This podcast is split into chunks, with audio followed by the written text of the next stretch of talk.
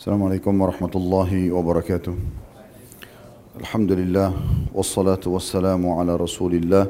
Segala puji dan puja kehadirat Allah Subhanahu wa taala juga salawat dan taslim kepada Nabi besar Muhammad sallallahu alaihi wa ala alihi wa sahbihi wasallam. Melanjutkan pada buku kita Sahih Targhib Tarhib dan kita masih dalam kitab yang sama kitab sedekah.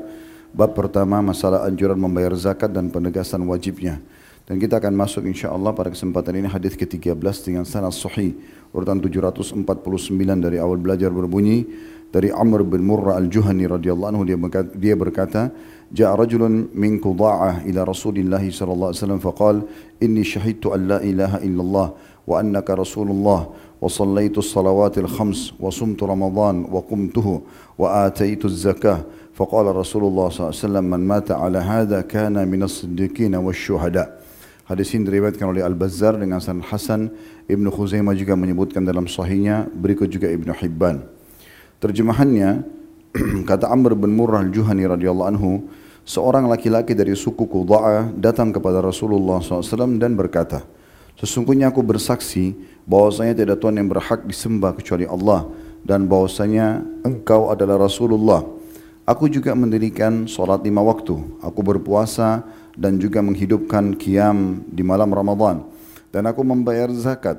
Rasulullah wasallam menjawab, barang siapa yang mati dengan berpegang teguh pada hal yang telah kamu sebutkan, maka dia termasuk orang-orang yang siddiqin atau orang-orang yang benar imannya dan juga masuk dalam kategori syuhada atau orang-orang yang menjadi saksi pada hari kiamat atau orang yang terhitung setingkat dengan derajat orang-orang yang mati syahid. Hadis ini memberikan pelajaran kepada kita seperti biasa bila ada seorang sahabat yang menyampaikan sebuah kisah dari hadis sehingga kita jadi memahami apa yang sedang terjadi di masa itu bagi kita yang tidak hadir ini berarti kecerdasan dan kejelian si perawi hadisnya. Di sini adalah tokoh kita Amr bin Murrah al-Juhani radhiyallahu anhu. Beliau tidak langsung menyampaikan wasiat Nabi SAW tapi beliau menceritakan dulu awal mula munculnya penyampaian Nabi itu. Kalau ayat-ayat Al-Quran ada dikenal dengan sebab nuzul. Kalau hadis ada sebab urut, sebab disebutkannya hadis tersebut. Kalau Al-Quran sebab turunnya ayat tersebut. Dengan memahami sebab turunnya ayat dan juga sebab disebutkannya hadis, ini jauh lebih memudahkan kita untuk memahami apa yang Allah maksudkan dan juga Rasulnya Muhammad sallallahu alaihi wasallam. Amr bin Juhani, Amr bin Murrah al-Juhani radhiyallahu anhu menyampaikan kisah seseorang dari suku Qudaa datang lalu menyampaikan apa yang dia lakukan. Dia mengatakan saya bersaksi ya Rasulullah bahwa saya tidak Tuhan yang berhak disembah kecuali Allah dan anda adalah utusan Allah. Saya juga dirikan solat, saya juga tunaikan zakat, saya juga puasa Ramadan dan di malam harinya saya solat malam. Maka Nabi SAW mengatakan siapa pun yang mati dalam kondisi mengerjakan seperti yang kamu sebutkan itu pastikan nanti dia akan bersama di surga nanti derajat bersama orang-orang yang siddiq dan syuhada. Faedah yang pertama tadi adalah kejelian Amr bin Murral Juhani menyampaikan riwayat ini. Riwayat atau faedah yang kedua adalah keutamaan mempertahankan syahadat dan jangan sampai merusaknya. Karena orang ini mengatakan saya bersaksi tiada Tuhan yang berhak disembah kecuali Allah. Ini harus sesuai dengan makna yang sebenarnya. Tidak boleh dilanggar, tidak boleh dirusak. Kita sudah berikan contoh kemarin berapa banyak orang mengatakan iya karena budu wa iya karena nasta'in hanya kepadamu kami menyembah, hanya kepadamu kami minta tolong. Lalu setelah salam dia pergi kuburan di sebelah masjidnya minta-minta pada kuburan tersebut. Atau dia masih menggantungkan jimat di badannya. Sementara Nabi SAW mengatakan, Man allaka tamimatan faqad. Siapa yang menggantungkan jimat di badannya, maka dia telah berbuat kesyirikan. Artinya dia merusak la ilaha illallahnya. Tidak boleh dia rusak semua itu. Salah satu kemurnian la ilaha illallah adalah semua digantungkan kepada Allah. Sesuai dengan hadis At-Tabarani, ya atau Al-Baihaqi riwayatkan Al-Baihaqi Nabi SAW mengatakan mintalah segala sesuatu pada Tuhan kalian sampai sendal tali sendal kalian yang putus.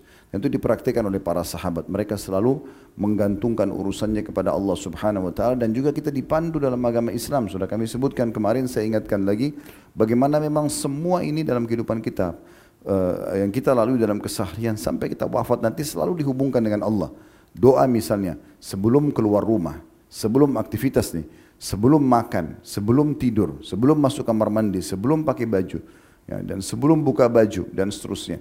Maka ini kita berarti dihubungkan dengan Allah Subhanahu Wa Taala. Jadi banyak kaum muslimin merusak ini. sakit yang paling pertama dokter, bukan kembali kepada Allah Subhanahu wa taala. Padahal kalau dia kembali kepada Allah berdoa, Allah akan mudahkan dokter tersebut cocok buat dia, berikut juga resepnya dan akhirnya dia sembuh.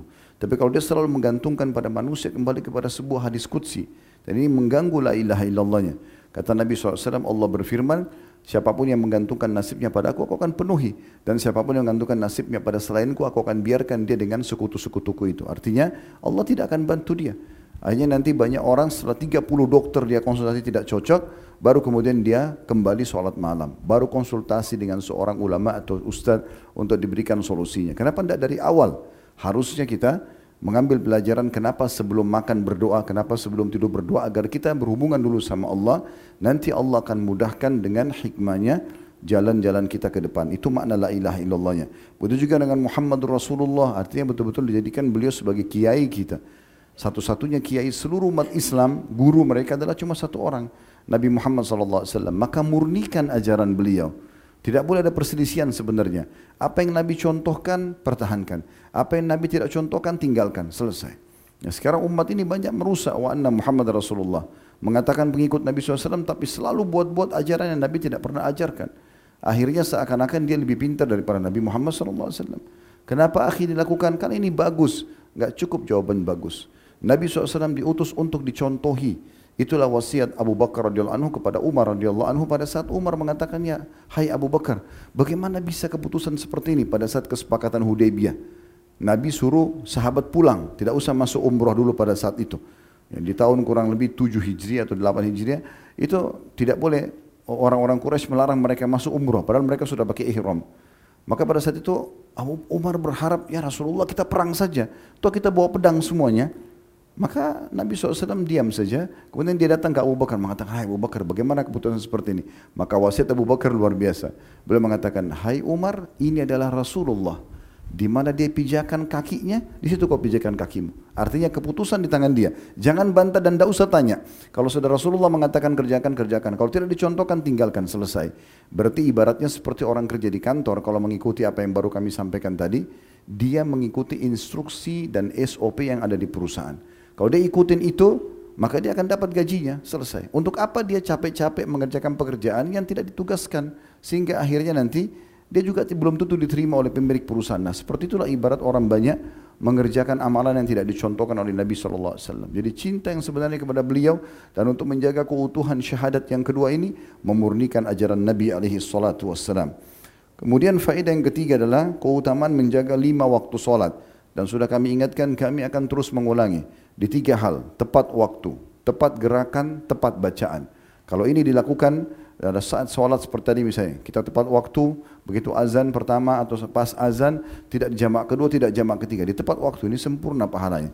Tepat gerakannya, semuanya dengan pelan-pelan dan dinikmati atau istilah lainnya tumak nina dan juga tepat bacaannya. Kemudian faedah yang keempat dari hadis adalah keutamaan menjaga puasa Ramadan dan juga solat malamnya. Faedah yang keenam yang selanjutnya adalah ini yang saksi bahasan kita menunaikan zakat dan sudah kita sering ulangi dari awal bab kita ini sudah hadis ke-13 ya.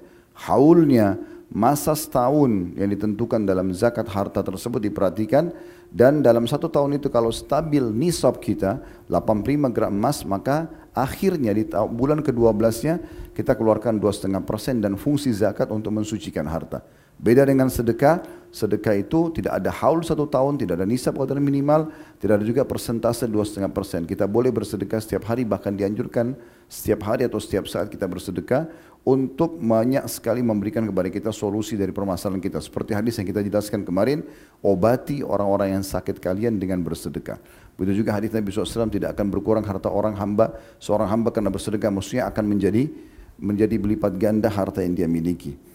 Kemudian yang terakhir adalah wasiat Nabi SAW pada saat sahabat ini menjelaskan apa yang dia kerjakan tadi. Di sini memberikan gambaran kepada kita. Ternyata derajat tertinggi di surga itu kan dihuni oleh empat golongan. Para nabi-nabi ini yang paling tinggi. Kemudian ada tiga golongan bersamaan di satu derajat. Siddiqin, orang-orang yang jujur dengan keimanannya dan jujur dengan lisannya. Tidak berdusta dalam kehidupan sehari-hari. Kemudian juga syuhada, orang yang mati syahid. Dan orang-orang yang saleh. Yang setiap saat hidupnya semua ibadah kepada Allah Subhanahu wa taala dan menjauhi apa yang Allah larang. Nah, ternyata di sini Nabi SAW merincikan dan mengatakan masuk dalam derajat itu adalah orang-orang yang tadi memurnikan dua kalimat syahadatnya, menjaga solatnya, menjaga puasa Ramadannya dan juga menunaikan zakatnya, maka dia akan bersama dengan golongan-golongan yang tinggi ini di surga. Semoga mudah diamalkan. Subhanakallah bihamdika. Asyhadu an la ilaha illa anta astaghfiruka wa atubu ilaik. Assalamualaikum warahmatullahi wabarakatuh.